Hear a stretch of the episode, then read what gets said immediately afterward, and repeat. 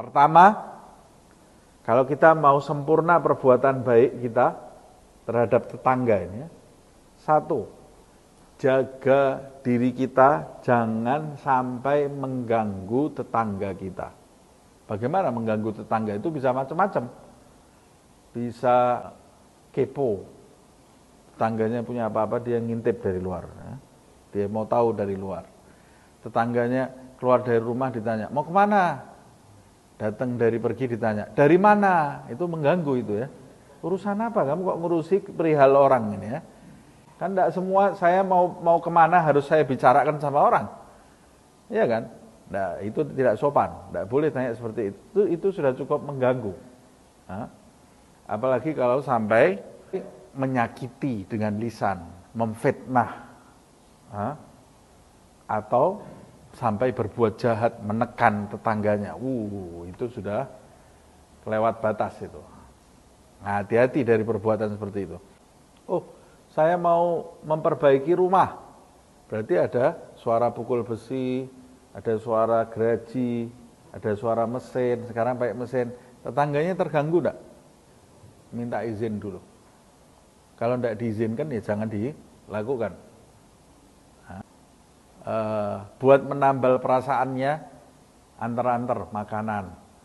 Kasih dia uh, dijamu di ini supaya dia itu bisa hatinya tidak panas. Yang kedua menanggung beban gangguan dari tetangga kepada kita. Jika tetangga kita itu mengganggu kita. Wah ini lebih berat lagi nih ya.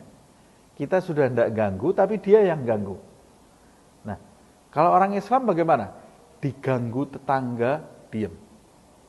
Tidak membalas gangguan dengan gangguan. Loh, diam itu berarti kita disakiti, diam aja. Tidak berbuat apa-apa. Ya boleh kamu berbuat apa-apa. Berbuat kamu boleh. Maksudnya ketika ada gangguan dari tetangga kamu, kamu boleh datang e, menyelesaikan masalah tapi dengan cara yang baik-baik bukan menyelesaikan masalah dengan masalah. Itu namanya bukan menyelesaikan masalah itu ya. Menyelesaikan masalah dengan masalah itu bagaimana? Diganggu, balas ganggu. Oh, saya dicaci, saya balas nyaci. Itu kamu tidak sedang menyelesaikan masalah.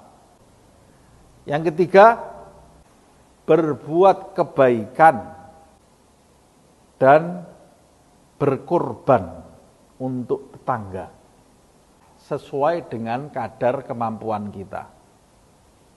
Jadi bagaimana maksudnya berbuat kebaikan?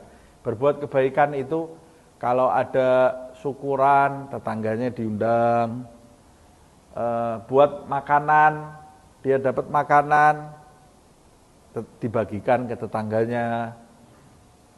E, dari pasar beli ikan dua, yang setengah kasihkan tetangga, itu namanya berbuat ma'ruf, istilah il ma'ruf. Wa badlul ihsan berkorban. Berkorban untuk keluarganya. E, umpamanya tetangganya perlu pertolongan, dia datang ke rumah tetangganya, ikut menolong. Ha? E, ada kematian, dia ikut datang menjenguk. E, kalau tidak punya kemampuan untuk memandikan jenazah, dia yang bergerak mencarikan orang yang tukang memandikan jenazah atau menyediakan ambulannya, menyolatkan atau bahkan sampai mengantarkan jenazah di perkuburan itu namanya berkorban untuk tetangga. Nah ini namanya ihsan, perbuatan baik yang sempurna seperti ini.